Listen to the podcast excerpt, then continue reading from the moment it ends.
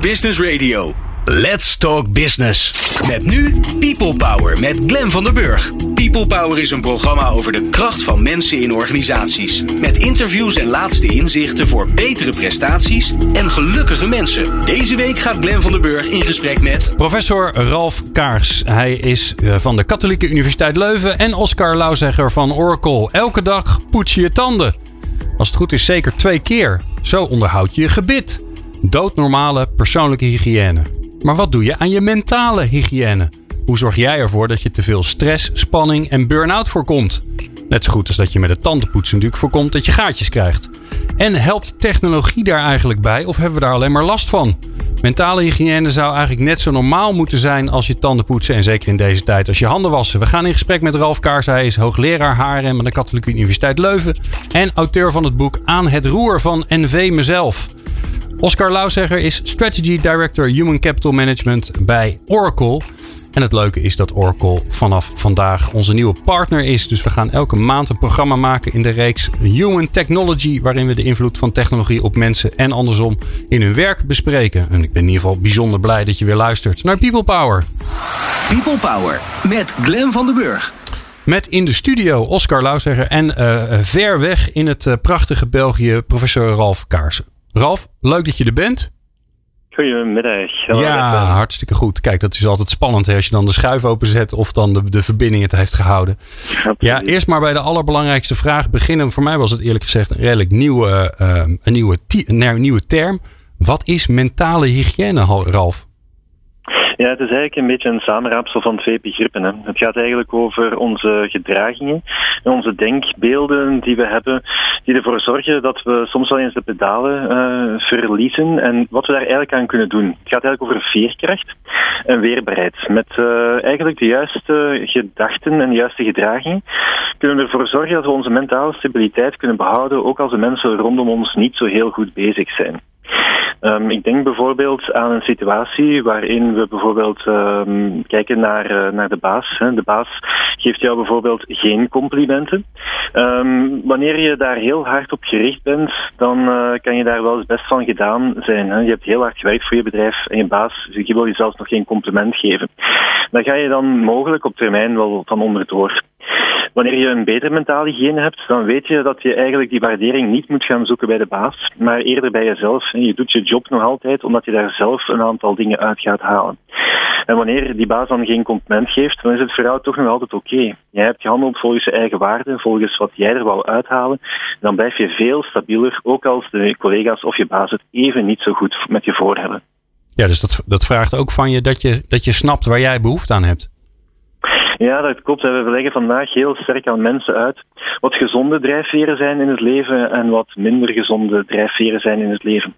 En dat gaat vaak over grote dingen, maar ook over hele kleine dingen. Uh, bijvoorbeeld, wanneer we vandaag gaan kijken, hebben we gezien dat heel veel mensen zijn gaan thuiswerken. We hebben situaties gezien waarin ze moesten werken, soms met de kinderen erbij, um, waar er eigenlijk ook geen rem meer zat tussen werken en niet werken. Wat hebben we dan gezien? Mensen die meteen een structuur hebben gevonden daarin, die bijvoorbeeld hebben gezegd van kijk, ik ga toch mijn vaste pauzes blijven houden. Um, ik ga bepaalde uren met de kinderen doorbrengen, bepaalde uren werken. Mensen die die structuur gevonden hebben, die waren eigenlijk er veel beter aan toe op het vlak van stress.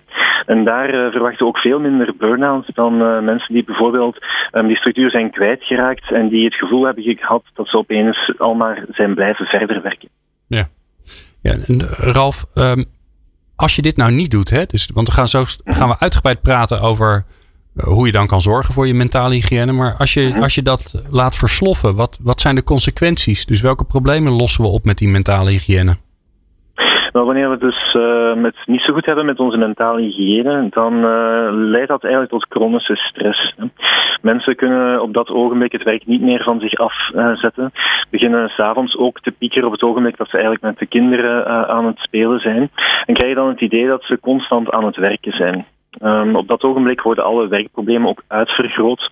Um, en je de indruk dat je er eigenlijk, dat het werk zo groot geworden is dat je het niet meer aan kan. En dan is de kans heel groot dat je op termijn, door die chronische stress, begint af te, leiden, af te glijden naar een burn-out. Ja, en we weten allemaal dat dat een enorm probleem is. Tenminste, ik weet dat het in Nederland een probleem is. Het zal in België ongetwijfeld niet anders zijn.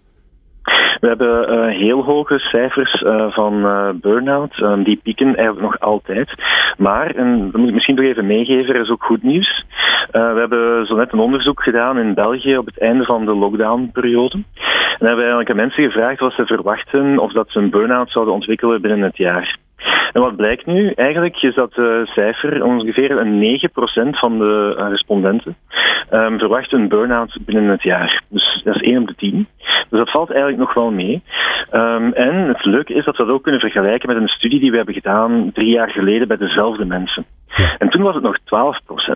Dus eigenlijk is de toestand in de lockdown eigenlijk verbeterd. En dat is toch positief nieuws ook.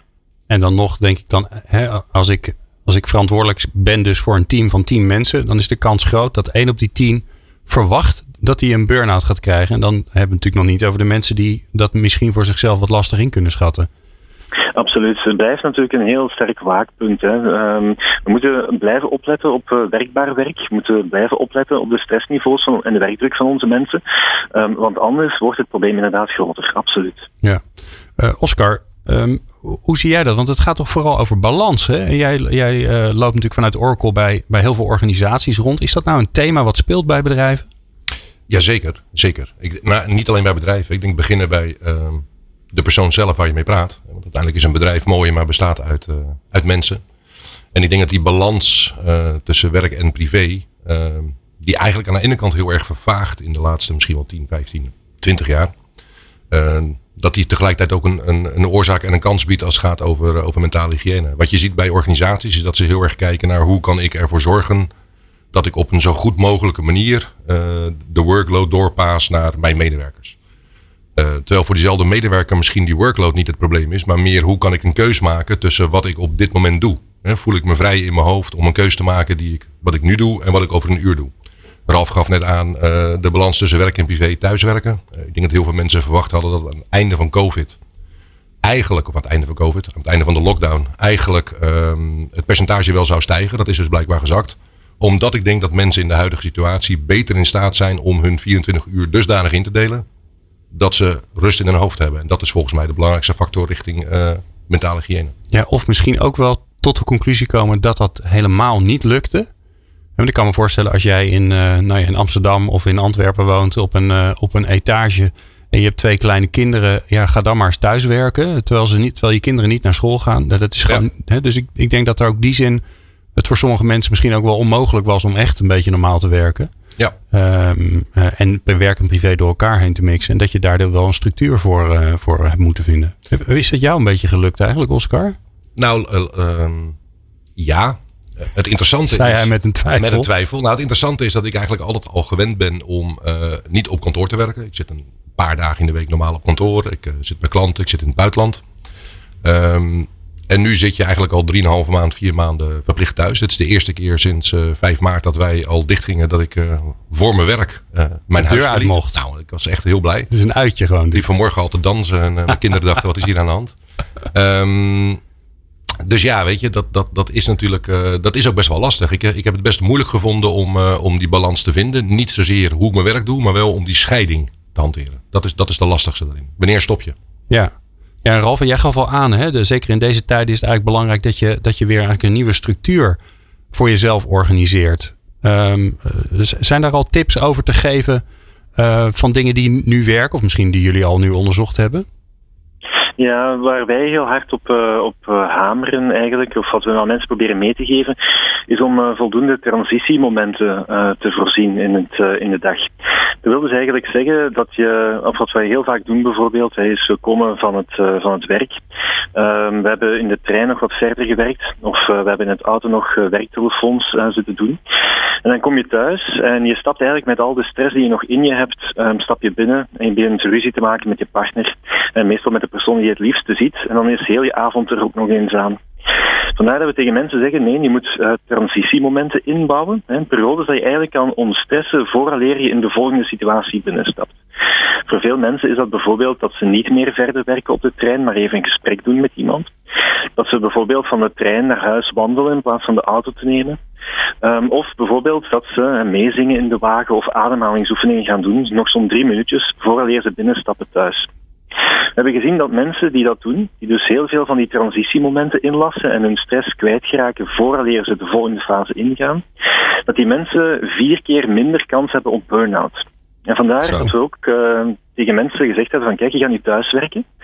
Dat loopt allemaal een beetje eh, meer in elkaar door. hè. Je bent geneigd, ja, je zit toch thuis, je neemt dan eens geen pauze, je partner komt binnen, je gaat meteen eh, praten.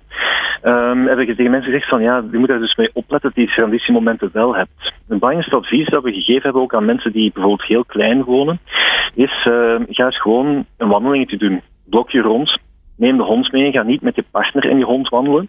Ga apart met je hond wandelen. En dan kan je partner straks nog eens met de hond, dan is hij heel gelukkig ook. Ehm, maar dat zorgt er eigenlijk ook voor dat je alle twee ehm, die, om, ja, laten we zeggen, die desinfectiemomenten hebt. En dat je eigenlijk vrijkomt van al die stress en dat je dat niet meeneemt in je privésituatie.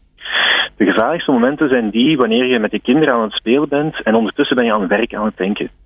Dan word je eigenlijk als het ware gekidnapt van het werk. Je had liever daar geweest, maar toevallig zit je met de kinderen bezig. En dan, als, als je dat begint te doen, dan eh, lijkt het inderdaad alsof je altijd maar aan het werken bent. En dan ben je heel vatbaar voor stress en burn-out. Ja, en ik kan me voorstellen dat het voor de kinderen ook niet echt gezellig is. Nee, inderdaad. Vandaar ook dat we hebben gezegd van kijk, wanneer je kinderen thuis zijn je moet toch werken. Je kinderen begrijpen echt wel dat er structuur moet zijn hoor. We hebben bijvoorbeeld gezegd van kijk goed, zeg dan tussen 10 en 12 ehm, gaan we alle twee iets apart doen. Jij gaat spelen en mama en papa gaan werken. Maar dan tussen 12 en 2 gaan we dan allemaal samen spelen. Zo kunnen we dan toch ook iets leuk doen. En dan zorg je eigenlijk voor dat je toch die privécontext en die werksituatie perfect kon combineren. Ehm, en dus niet noodzakelijk altijd het gevoel kreeg, ik ben aan het werken, dat je toch ook nog quality time had met die kinderen. Ja, ja waar, ik, ik straks met jullie naartoe wil, is dat ehm, eh, we even gaan kijken van wat kun je dan als werkgever dan eigenlijk doen, stoppen in dat werk, zodat je eigenlijk je medewerker, je collega's helpt bij dat werkbare werk. Dus daar praten we zo verder over met eh, professor Ralf Kaars en Oscar Loudzegger na dit.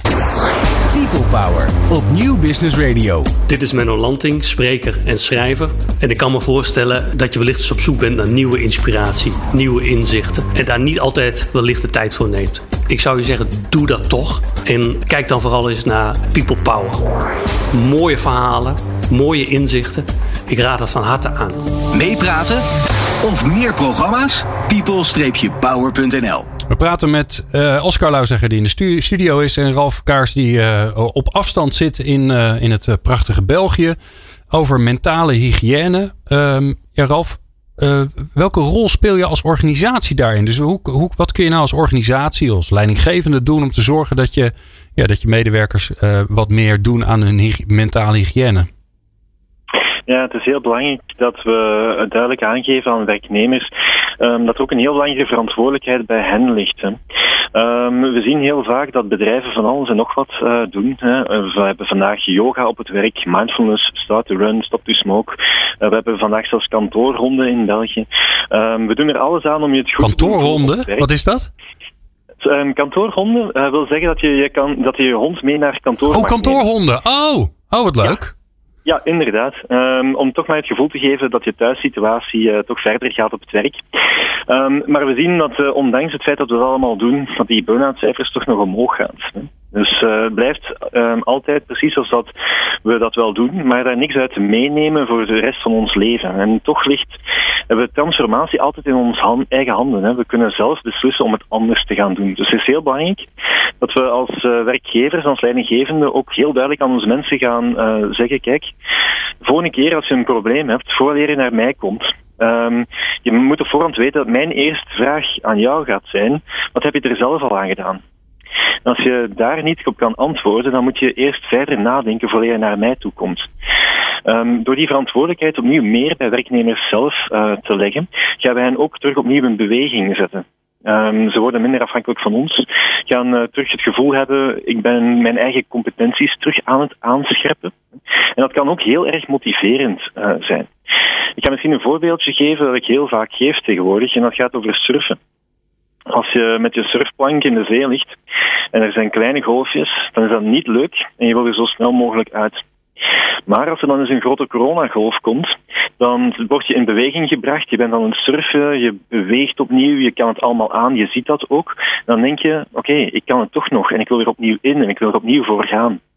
Dus eigenlijk wat we nu vandaag zien is dat doordat mensen het gevoel krijgen, kijk, ik kan die situatie aan, ik vind nieuwe werkmethodes, hè, ik heb bijvoorbeeld een webinar gevolgd of ik heb andere soorten van technologie uh, ontdekt, die ik vandaag opnieuw kan inzetten, voelen mensen zich eigenlijk door die crisis vaak veel sterker dan ervoor. Ze denken, ook al verlies ik vandaag mijn baan, ik kan uh, op basis van mijn eigen competenties wel opnieuw werk vinden.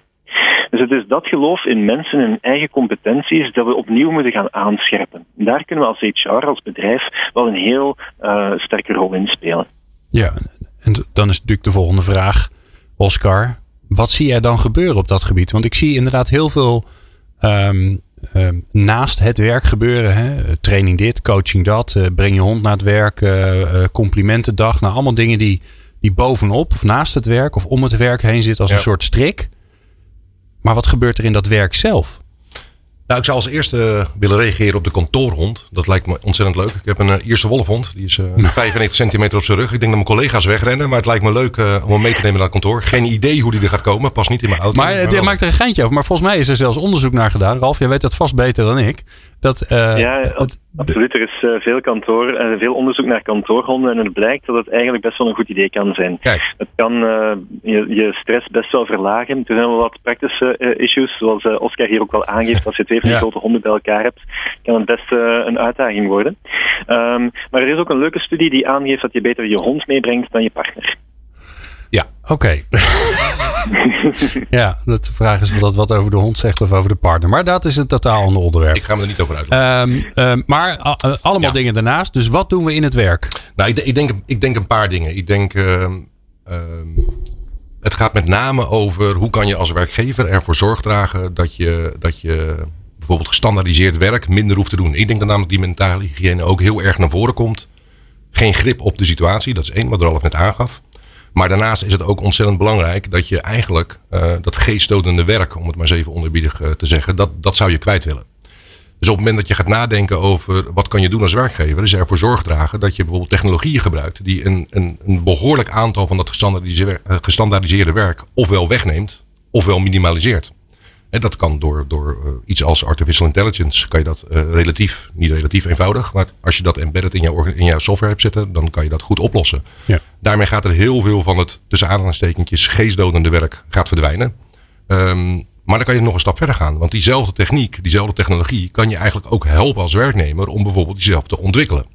Dus er zijn echt wel verschillende mogelijkheden waarin techniek jou uh, kan enablen om die mentale hygiëne te bereiken. Zoals er ook heel veel mogelijkheden zijn waarin techniek ervoor kan zorgen dat die misschien wel veel slechter wordt. Op het moment dat ik 20.000 keer data moet invullen, op het moment dat ik iets ingevuld heb en een dag daarna is het er niet meer, omdat het toevallig in een ander ja. systeempje zit. Ja, dan kan je ook behoorlijk gestrest raken. Zeker als je in die thuissituatie zit met de kinderen die er doorheen lopen. Dan denk ik dat je, je stresslevel aardig omhoog gaat. Dus ja. als werkgever kan je daar zeker wat in doen. Ja. Nou, de, dat is wel interessant dat je dat zegt. Hè? Want de impact van technologieën, hè? waar helpt het en waar helpt het ons niet? Daar wil ik het straks zeker over hebben. En waar ik ook een beetje op zoek naar ben, is um, ja, hoe kun je het werk nou zo vormgeven in wie doet wat, um, wie doet wat wanneer, uh, zodat je daarmee uh, ervoor zorgt dat, nou ja, dat, dat je kunt werken aan die mentale hygiëne. Ralf, heb jij daar een idee bij? Um, ja, ik ga toch even inpikken op wat, uh, wat Oscar zegt. Hè. Um, ik denk vandaag, hè, dus uh, technologie is een, is een heel belangrijke um, om het werk te verlichten. Hè. we spreken vandaag over technostress. Dat wil eigenlijk zeggen, wanneer technologie fout gaat, dan helpt het ons niet meer, maar gaat het eigenlijk onze job veel moeilijker maken. Vandaar dat we dus echt moeten opletten dat we systemen uh, gaan implementeren die ervoor zorgen dat, de dat het werk makkelijker wordt en dat we ons daar niet door gaan frustreren. Nu, een belangrijke voor werkgevers daarin is, want er wordt heel vaak gesproken over technologie, alsof dat, dat heel duidelijk is voor iedereen wat dat nu eigenlijk concreet is. Maar hoe ga je er nu concreet mee aan de slag als werkgever? Uh, wij raden daarbij aan dat je eerst gewoon een aantal uurtjes naast je werknemers gaat zitten en eens gaat kijken wat doen die mensen nu eigenlijk. Um, en dan dat je eigenlijk bij verschillende werknemers dat doet en dan kijkt, oké goed, dat is eigenlijk de taak die ze moeten doen. En jij gaat dan zelf eens even op de markt gaan kijken welke technologie is er nu voorhanden dat je die taken kan gaan verbeteren. Je mag dat niet van je werknemers zelf verwachten dat ze het allemaal gaan zoeken en, en dat ze dat allemaal weten. Maar als jij en waarom mag je dat niet, Ralf? Waarom, waarom, waarom kun je dat niet aan mensen zelf vragen? Um, wel, uh, als je het zo gaat vragen uh, aan mensen zonder dat je hen eigenlijk handvaten geeft om, om, om dat te gaan doen, dan kan het zijn dat mensen daar best heel veel tijd gaan insteken. En als ze dan het idee hebben van, oei, wacht, um, ik, dat gaat mij heel veel tijd uh, in, in beslag nemen. Um, in al die tijd dat ik zou zoeken naar een oplossing, kan ik ondertussen zoveel uren verder werken. Dus eigenlijk blijf ik dat maar verder doen. Ik ga je misschien een heel korte anekdote geven um, over mijzelf. Ik was dus ooit de vijver aan het proper maken met een klein sponsje. En dat duurde uren. En ik dacht, oké, goed, ik heb al uitgerekend nog zoveel uur te gaan. Dan komt mijn uh, vrouw, Marijke, komt uh, langs en zegt, schat, zou je dat niet beter met dit doen? Um, en dan dacht ik, en ik heb het dan geprobeerd, op een uur tijd was het werk gedaan. Dat is eigenlijk het idee hè, dat heel veel mensen hebben. Ze zien, oké, okay, het werkt niet goed, maar als ik stop, dan loopt de tijd nog meer op en heb ik nog meer tijd nodig. En vandaar dat ze soms te weinig op zoek gaan zelf naar oplossingen. Dan is het heel handig als je als werkgever die taak overneemt, kijkt wat hebben ze eigenlijk nodig en zelf op zoek gaat naar de juiste technologie. Nou, sterker nog, Ralf, ik, ik, ik, vind dat bijna een vereiste vanuit, uh, vanuit werkgeversoogpunt. Um, ik, ik denk dat heel veel werkgevers momenteel nadenken over wat heeft de laatste drie maanden mij uh, aan, de, aan de positieve kant gebracht, maar ook aan de uitdagingkant. Uh, absoluut, absoluut. Het enabelen van mensen om thuis te kunnen werken, alles tegelijk kunnen doen. Kijk, ik vind dat als een, als een werkgever kijkt naar welke software dan ook, uh, maar laten we nou eens vanuit HR praten, daar zitten we tenslotte voor. Dan denk ik dat het essentieel is dat je als werkgever nadenkt, wat wil ik hiermee bereiken? Wil ik hier efficiëntie mee bereiken? Wil ik hier de mentale hygiëne van mijn medewerkers omhoog brengen? Wil ik ervoor zorgen dat ik betere keuzes kan maken, waardoor ik eigenlijk meer prepared ben voor, te, voor morgen, zonder dat ik weet wat morgen mij brengt. En dat zijn denk ik vraagstukken die, die uh, werkgevers zich echt moeten stellen, voordat ze die gaan beantwoorden en voordat ze keuzes gaan maken. Want het, het, grote risico wat je loopt, is dat je relatief snel een keus maakt voor een goede oplossing, maar het is een oplossing die op zichzelf staat. En uiteindelijk is HR niet uh, 67 verschillende processen. Het zijn 67 processen die leiden tot een uitkomst wat human resource heet. En dus zitten al die verbanden tussen hele simpele zaken als begin eens bij het vastleggen van skills, competenties en laat dat doorlopen tot uh, uh, development plans. En dat is weer een inputstroom voor het vinden van nieuwe mensen voor vacatures die je niet kan zelf invullen. Dat zijn allemaal processen die je nodig hebt waar technologie essentieel in is. Ja. En ik denk dat werknemers die keuzes, ik ben het met je eens op dat punt, Rolf, dat kunnen die, de werknemers niet maken, die keuze. Die, die kunnen dat niet overzien. Die kijken naar hun belang, wat logisch is. En als werkgever heb je juist het belang van en de organisatie en uh, van, uh, van de werknemer zelf. Ja, en, Oscar noemde het al even. Hè? Die zei al van ja, de, werk doen wat daarna weer verdwijnt omdat het kwijt is. Of werk doen wat je daarna nog een keer moet doen. Dat, dat, uh, dat herken jij vast eraf. Dat is niet echt heel motiverend. Zijn er nou nog meer van dat soort um, ja, bijna psychologische effecten wil ik het bijna noemen. Van werk waarvan je zegt ja, dat moet je echt zien te voorkomen. Want daar gaat het mis.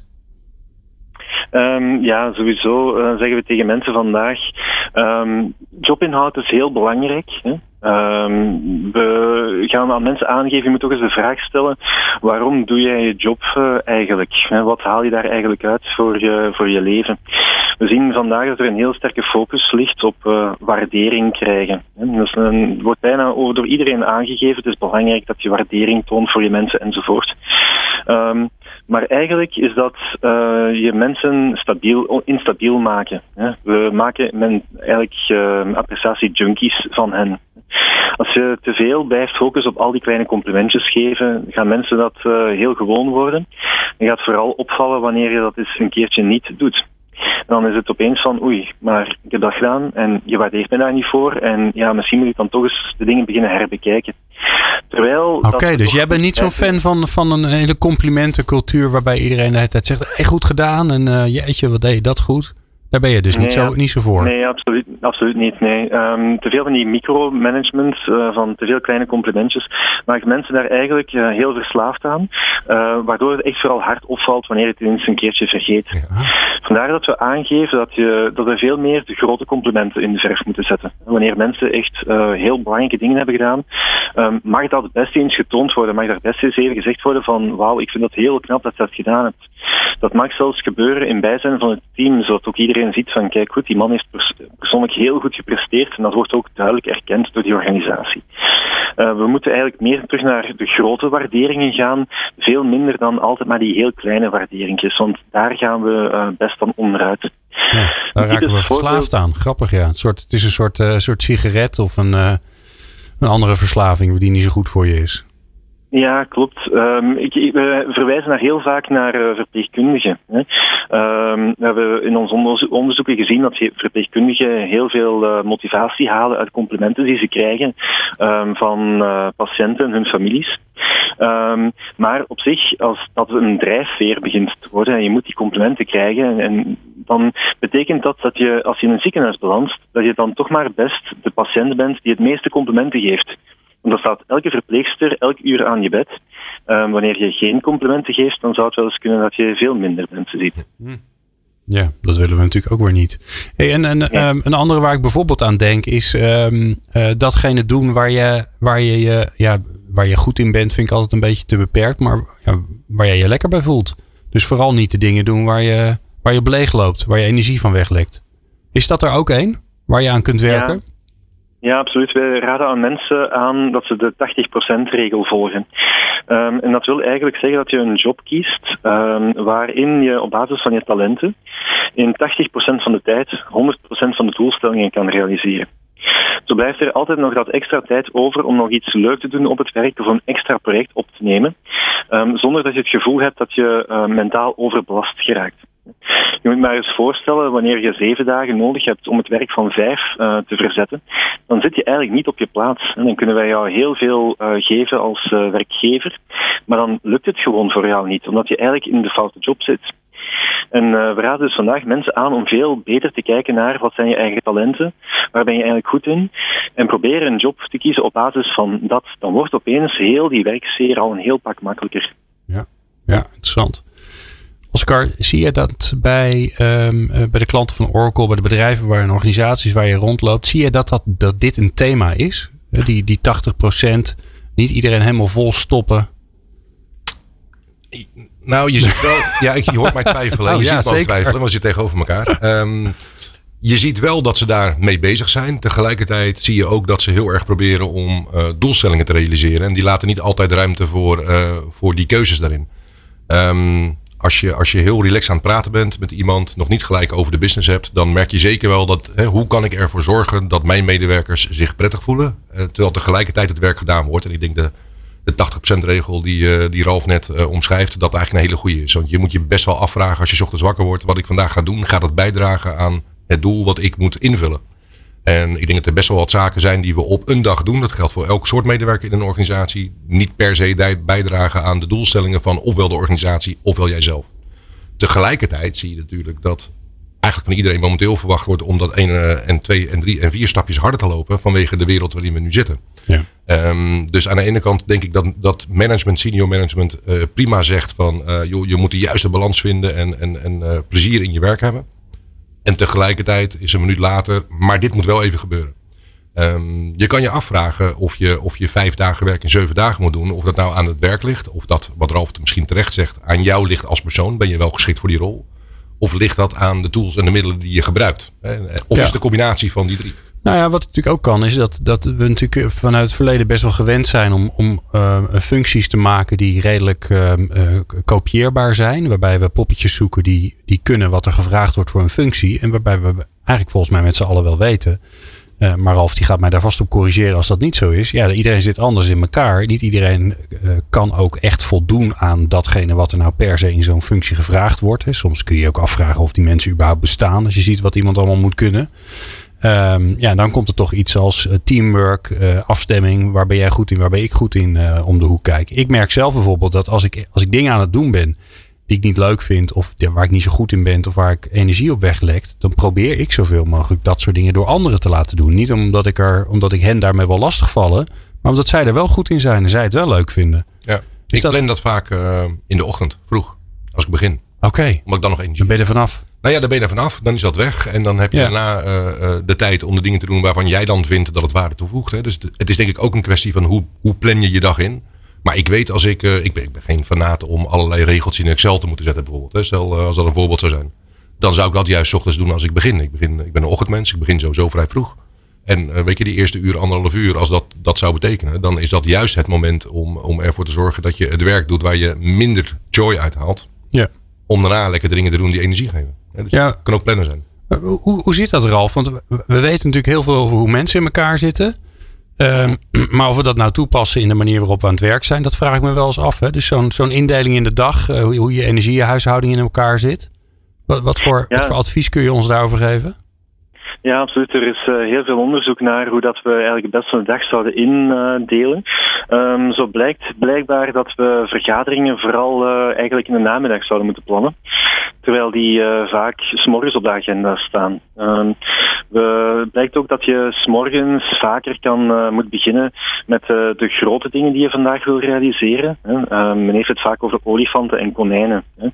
Um, je gaat meestal op olifantenjacht, dus je hoeft niet te veel tijd te verspillen aan konijnen schieten. Wat men eigenlijk wil zeggen is, als je vandaag aan een rapport moet werken, dan is het best dat je daarmee begint. Dat je dan bijvoorbeeld pas vanaf de middag je e-mails begint Want uh, als je omgekeerd werkt en begint de eerste e-mails te doen, dan uh, is je, je zin vaak al over uh, eer dat je aan een rapport moet beginnen, of kan je er pas te laat aan beginnen. Dus het is inderdaad heel belangrijk dat we gaan kijken hoe dat we die dag gaan indelen. We, we zijn dat gaan onderzoeken en dat noemt vandaag jobcrafting. Aha. Jobcrafting wil zeggen dat je zelf je job gaat boetseren. Dus dat je zelf gaat kijken, oké, die job die ik heb gekregen van mijn werkgever, um, ja, mijn werkgever die weet niet uh, exact wat alles uh, is en, en, hoeveel tijd dat het in beslag neemt enzovoort. Die doet die job zelf niet. Hè. Um, dus wat voor hem logisch lijkt, kan totaal onlogisch lijken voor de, men, voor de persoon die die job eigenlijk moet uitvoeren. En dan kan die persoon dus gaan zeggen, oké, ik moet dat nu doen. Uh, hoe kan ik dat hier werkbaar maken voor mezelf? Het rapport moet blijkbaar geschreven worden op maandag. Dat zal niet lukken, maar ik kan het bijvoorbeeld wel op woensdag doen. Want dan heb ik een rustigere dag en dan is mijn maandag opeens een heel stuk werkbaarder. We gaan die soort jobcrafting, um, dat leggen vandaag tegen werknemers uit. Kijk, je kan je job zelf boetseren. En dat, uh, door dat eigenlijk uit te leggen aan, aan mensen, beginnen mensen ook zelf al eens te kijken van inderdaad, wat zou ik kunnen aanpakken, wat zou ik kunnen verschuiven of verruilen met iemand anders om die job werkbaarder te maken. Oké, en um, heb je daar dan nog een rol in als werkgever of als leidinggevende? Want ik bedoel, iedereen kan craften tot hij wil, maar als iedereen maar, uh, maar, maar aan het boetseren is en ik heb geen idee meer hoe de, hoe de verbanden onderling zitten, dan heb ik natuurlijk als leidinggevende ook een probleem. Ja, absoluut. Je moet dat wel blijven opvolgen. Hè. Um, we leggen de gegeven verantwoordelijkheid aan de werknemers, omdat zij het best weten wat werkbaar is en wat niet. Hè. Maar goed, als, we, als leidinggevende moet je wel opvolgen. Oké, goed, wie doet nu welke taken? Komt dat efficiënt uh, uit enzovoort. Hè. Om even terug te komen op die 80%-regel van daar straks. Um, stel dat ik vandaag um, een bewerking moet doen in Excel. Ik moet vandaag met Excel bezig zijn. Maar ik doe dat helemaal niet graag. Hè. Dus dat gaat mij heel veel energie kosten. Stel dat de persoon tegenover uh, mij, hè, dat die heel graag Excel doet. Maar die moet dan weer bijvoorbeeld een tekenopdracht uh, doen. Als we nu wisselen, dan ga ik zijn tekenopdracht doen in 80% van de tijd. En hij doet het Excel-werk in 80% van de tijd. Opeens hebben we alle twee minder werk, we zijn alle twee gelukkiger en toch zijn de taken voor de organisatie gedaan. Dat is eigenlijk die concrete toepassing van die 80%-regel, die we bij heel veel mensen ook hebben gezien. Bijvoorbeeld, mensen zijn uh, tijdens de, de coronaperiode op zoek gegaan naar nieuwe technologie, die hen kan helpen om hun werk beter te doen. Want opeens, hè, die bewerking in Excel, door opeens een cursus te gaan volgen door nieuwe technologie aan te leren, waar je vroeger acht uur nodig had om dat Excel-werk te doen, heb je er nu nog maar vier nodig. Ik heb een kleine tijdsinvestering gedaan om een opleiding te gaan volgen en opeens heb je vier uur minder uh, werk op een dag en word je veel efficiënter. Ja, dat is... En dat zijn eigenlijk die kleine dingen die we vandaag uh, bij mensen zien. Dat is dat craften, maar ook door de organisatie eigenlijk ondersteund. Ja, mooi. Nou ja, daar wil ik eigenlijk straks uh, het laatste blokje aan besteden. Aan die technologie. Hè. Wat helpt ons nou? Maar wat zit ons ook in de weg? Want soms denk je ook, god, al die apparaten die gaan af. Die storen me alleen maar in mijn werk. Um, en dat hoor je zo. Dan praten we verder met uh, Ralf Kaars en uh, Oscar Lauzegger. People Power. Inspirerende gesprekken over de kracht van mensen in organisaties. Met Glen van der Burg. In de studio Oscar Lauzegger van Oracle. En op afstand professor Ralf Kaars van de Katholieke Universiteit in Leuven. Uh, we praten over mentale hygiëne. Ja, de grote vraag is dan nu dus ook: ja, wat kunnen we nou uh, aan technologie gebruiken om te zorgen dat die mentale hygiëne verbeterd wordt? Uh, Oscar, ik wil graag bij jou beginnen. Um, ja, een van de dingen waar mensen echt een volgens mij een bloedhekel aan hebben en heel veel stress van krijgen, is alles rondom HR-processen. Ja. Komt mijn salaris wel op tijd? Klopt het wel? Snap ik überhaupt wat er op mijn, op mijn briefje staat? Is mijn personeelsdossier op orde? Oh, moet ik weer uh, ik moet een declaratie invullen? Ik moet mijn performance management review nog goedkeuren en het werkt niet. En nou ja, kortom, alles. Ja, ja dat, is, uh, dat is zeker een van de grotere, grotere vraagstukken, denk is ik. dat nou, eh, want je zou zeggen, ondertussen is dat in Nederland natuurlijk gewoon fantastisch geregeld bij alle bedrijven. Wat zie jij gebeuren? Nee. Is het al nee te schudden? Nee, nee, nee. En niet alleen in Nederland, dat is, dat is wereldwijd. Ik denk dat, dat we daar op HR-gebied nog heel veel, heel veel meters te gaan hebben. Ik denk dat de oorsprong daarvan een beetje ligt in de wereld van misschien 10, 20, 30 jaar geleden. Waarin een proces misschien wel belangrijker was dan, dan de uitkomst. Dus je moet je altijd afvragen, is een proces een middel of, een, of is het een doel? In mijn optiek is een proces altijd een middel om een doel te bewerkstelligen. En dat kan wanneer ik om mijn salaris zijn, dat kan mijn personal development plan zijn, mijn performance management, van alles. Maar het moet een doel hebben. En heel veel processen zijn nog steeds zo ingericht dat uh, ze eigenlijk als hoofddoel gezien worden. En dat betekent dat je ontzettend veel werk aan hebt. Heel vaak dezelfde data moet inkloppen. En de data die je inklopt in stapje 1 niet terugkomt in stapje 2. En ik denk dat daar het werk ligt voor, uh, voor heel veel HR-organisaties. Uh, ik kan me ook voorstellen dat het niet helpt dat je ondertussen de bol.coms en de Amazons en de weet ik wat gewend bent. Nee. Die, en ook trouwens ook je, ik, heb een, ik heb een Mac en die zegt al regelmatig, oh zal ik je wachtwoord onthouden of zal ik je gegevens invullen. Nou, maar dat is het precies, Glenn. Kijk, je, je leeft in een, in een 24-uurs-economie waarin uh, technologie jouw privéleven ontzettend makkelijk maakt. Um, en ik vergelijk het altijd maar zo, ook als ik met HR-directeuren praat. Verwachten wij nou echt als werkgever dat we tussen 9 en 5 teruggaan naar een papieren tijger? Terwijl we tussen 5 en 9 in de tijd dat we zogenaamd vrij zijn, uh, allerlei moderne technologieën hebben. Ik bestel een overhemd, krijg de suggestie voor een stropdas, bijpassende schoenen. En vervolgens wil ik een cursus volgen en ik krijg duizend en één cursussen te zien. Alleen voor ik de mijne gevonden heb, ben ik al afgehaakt. Want ja. daar raak ik van gedemotiveerd. Want er zitten heel veel keuzes tussen die totaal niet totaal, interessant voor jou zijn. Precies, totaal niet relevant zijn voor mij in mijn huidige rol. Of sterker nog, voor mij in mijn ambitie. Want het feit dat ik in een rol zit vandaag, wil niet zeggen wat mijn ambitie of mijn mogelijkheden zijn voor morgen. En ik denk dat ja. daar technologie juist het verschil kan maken. Ja, en dan hebben we het met z'n allen natuurlijk, dat is ook weer zo'n ongelooflijk buzzword over de employee experience. Ja, maar wel een terecht buzzword. Ja, en dan wordt er ook ook daar zie ik overigens wel gebeuren dat er heel veel dan gedaan wordt aan een beetje aan de, aan de buitenkant. Terwijl ja, de basis op orde. Hè, zorgen dat dit allemaal werkt. Ja. Hè, dat je überhaupt je geld op tijd kwijt. En dat je ook het juiste geld krijgt.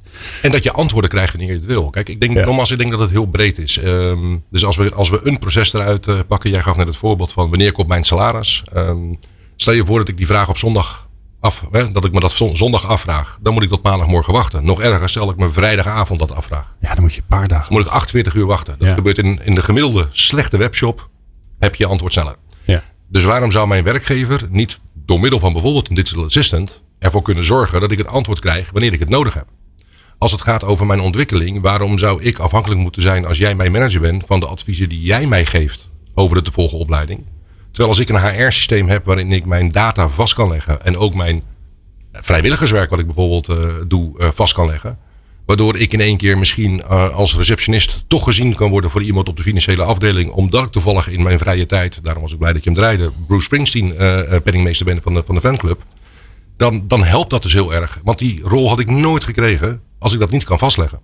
En ik denk dat dat, dat heel erg vergeten wordt. Het zijn allemaal losse stukjes, allemaal losse softwareoplossingen die allemaal at it zelf het misschien best goed doen. Maar wat ik net uitleg, kan je eigenlijk alleen maar realiseren als je ervoor zorgt dat je vanuit één bron gaat werken, vanuit één database gaat werken. Waardoor als ik iets invul in mijn skills, in mijn competenties, dat dat meegenomen wordt in mijn ontwikkelingen, in mijn development, in mijn learning. Maar ook in de suggestie voor uh, succession management voor mijn volgende rol. Ja, of als iemand een project begint en denkt, ja, ik heb nou allemaal, uh, ik heb allemaal best wel uh, slimme technische mensen, maar er moet er iemand bij die snapt hoe, hè, hoe de gevoelskant in elkaar Precies. zit. Precies, en die persoon hoeft niet per se in Nederland te zitten. Als je in een, in een internationaal bedrijf werkt, dat kan zijn dat je dan in één keer met iemand op de proppen komt op basis van skills, capabilities en, uh, en kenmerken die in Zuid-Amerika werkt, die je helemaal niet kent. Ja. Maar die gewoon op basis van de dingen die jij vraagt, dat kan hard of zacht zijn qua skills, een bijdrage levert aan datgene wat jij wil leveren. Ja, ja, en, en, en ik hoor je eigenlijk zeggen, Oscar, eigenlijk de, de, het gebruik maken van technologie om ervoor te zorgen dat het werk ondersteund wordt. Hè? Dus, dus niet, het, niet het werk zelf, hè? want daar hebben we natuurlijk allerlei tools voor, maar ja. meer het, het organiseren.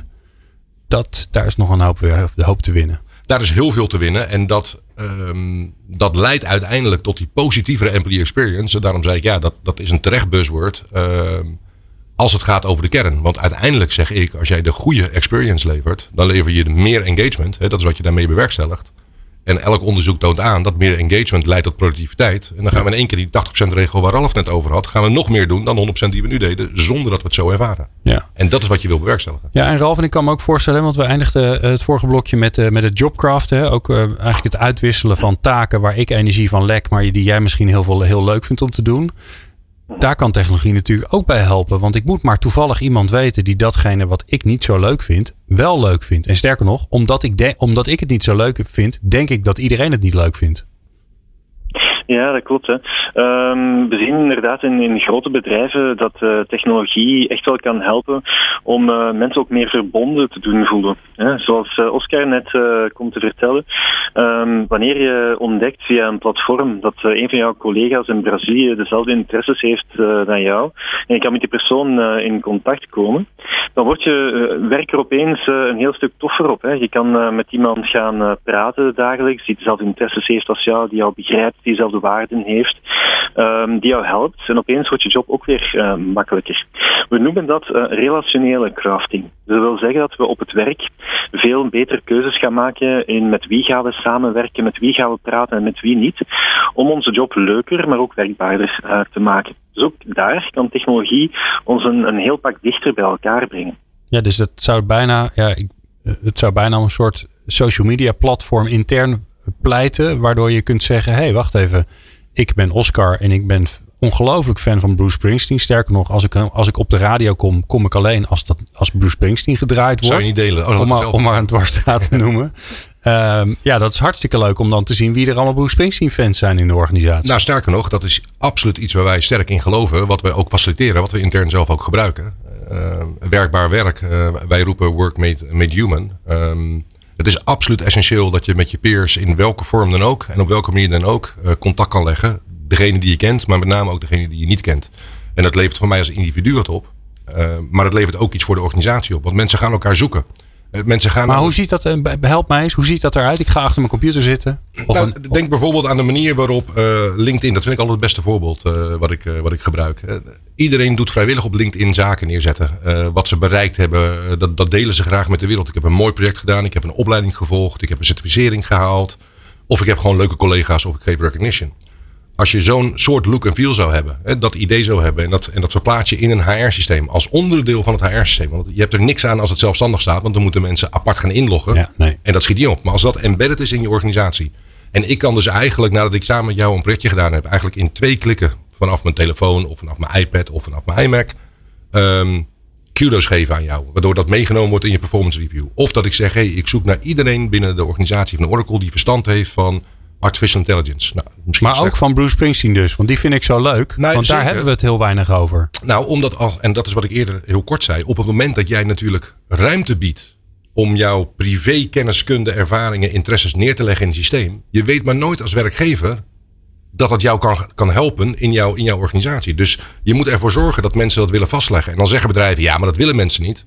Ja, mijn argument is dat willen mensen wel. Want YouTube staat vol met onzinnige filmpjes die mensen graag willen delen. Op LinkedIn wordt van alles gepost wat je maar uh, kan doen, omdat mensen willen shinen. Dus als jij het platform biedt en mensen gaan het gebruiken, dan gaat jouw systeem, als je het juiste systeem hebt, ermee aan de slag. En dat is een cirkel die alleen maar doorgaat. Ja, en dat mooie vind ik, eh, Ralf, en dat heb jij, uh, daarmee heb jij deze uitzending naast heel veel andere dingen, maar zeker hiermee verrijkt. Dat ik ook het gevoel heb dat die relationele informatie over elkaar en het feit dat je elkaar daarop kan ontmoeten, ja, dat is toch wel ja, wat ons menselijk, mensheid maakt, waardoor we relaties met elkaar aangaan, omdat we denken, hé hey, leuk, ja, ik weet nu ik weet toevallig van Oscar dat hij van Feyenoord en van Bruce Springsteen houdt. Hè. Er komt nog veel meer, maar we kennen elkaar nog niet zo lang. Maar dat is wel wat al mijn beeld van hem bepaalt. En waardoor ik denk, hé, hey, dat is Oscar. En ja, hij werkt bij Oracle, maar dat is een beetje bijzaak. Ja, ja. Um, het is, uh, als ik nog even mag op inpikken, um, wat, wat, we eigenlijk nu aan het beschrijven zijn, is eigenlijk, zijn lessen die we eigenlijk kennen uit de diversiteitsliteratuur. Um, er is vandaag heel veel te doen over uh, diversiteit, over racisme enzovoort. Maar we hebben eigenlijk gezien dat als je dat wil, wil overkomen, als je dat wil overwinnen, is het, niet, is het belangrijk dat we niet blijven focussen op waar mensen in verschillen, maar gaan focussen op wat mensen gemeenschappelijk hebben. Want zodra dat mensen zien dat ze dingen gemeenschappelijk hebben, dan beginnen ze elkaar te begrijpen en beginnen ze elkaar te vinden. En willen ze opeens wel samenwerken, ondanks de verschillen die ze hebben. En hetgeen dat dus die platformen waar mensen invullen van oké goed kijk, um, daar sta ik voor, daar ben ik in geïnteresseerd, dat vind ik leuk. Um, als je ziet dat iemand zoveel raakvlakken heeft, dan is dat een ongelooflijke uitnodiging om met die persoon in contact te komen. En die, dat in contact komen, dat leidt dan weer tot samenwerken, samen dingen gaan doen en is een hele katalysator voor van alle positieve dingen. Dus we geloven echt wel in dat idee van we moeten elkaar beter leren kennen, um, zodat we dichter bij elkaar komen, elkaar begrijpen en van daaruit samen aan iets willen bouwen. Nou, dat vind ik prachtige laatste woorden voor deze aflevering. Ik wil jullie bijzonder bedanken. Um, Ralf Kaars, uh, hoogleraar ik weet niet eens of jullie dat zo noemen in Vlaanderen. Maar wij in Nederland in ieder geval van de Katholieke Universiteit Leuven. En Oscar Lauwzegger van Oracle. Uh, Oscar, dank uh, voor deze eerste aflevering. En natuurlijk uh, dank voor het feit dat jullie partner van de show zijn geworden. Dat is helemaal geweldig. Want ja. er volgt meer in de reeks zoals wij die hebben genoemd. Human Technology. Dus die twee onderwerpen bij elkaar geplakt. Daar gaan we het over hebben. Mens en technologie. wij zijn er natuurlijk volgende week gewoon gezellig weer. En um, wil je meer luisteren? Dan kan dat natuurlijk via de website peoplepower.radio. Daar vind je 330, ruim 330 afleveringen. Dus je hebt nog even wat te doen. En wie hebben we de volgende week? Zeg ik even uit mijn hoofd. Gaan we het volgens mij hebben over online werkvormen. Dus de auteurs van het groot werkvormenboek, dat ken je vast, heb je vast ergens in de, in de kast staan. Die gaan nu ook een groot online werkvormenboek uitbrengen. En bij ons komen ze alvast even een voorproefje geven. Dus dat in de volgende aflevering. Ik vind het in ieder geval fijn dat je hebt geluisterd. Dus tot de volgende keer. Meepraten of meer programma's? people-power.nl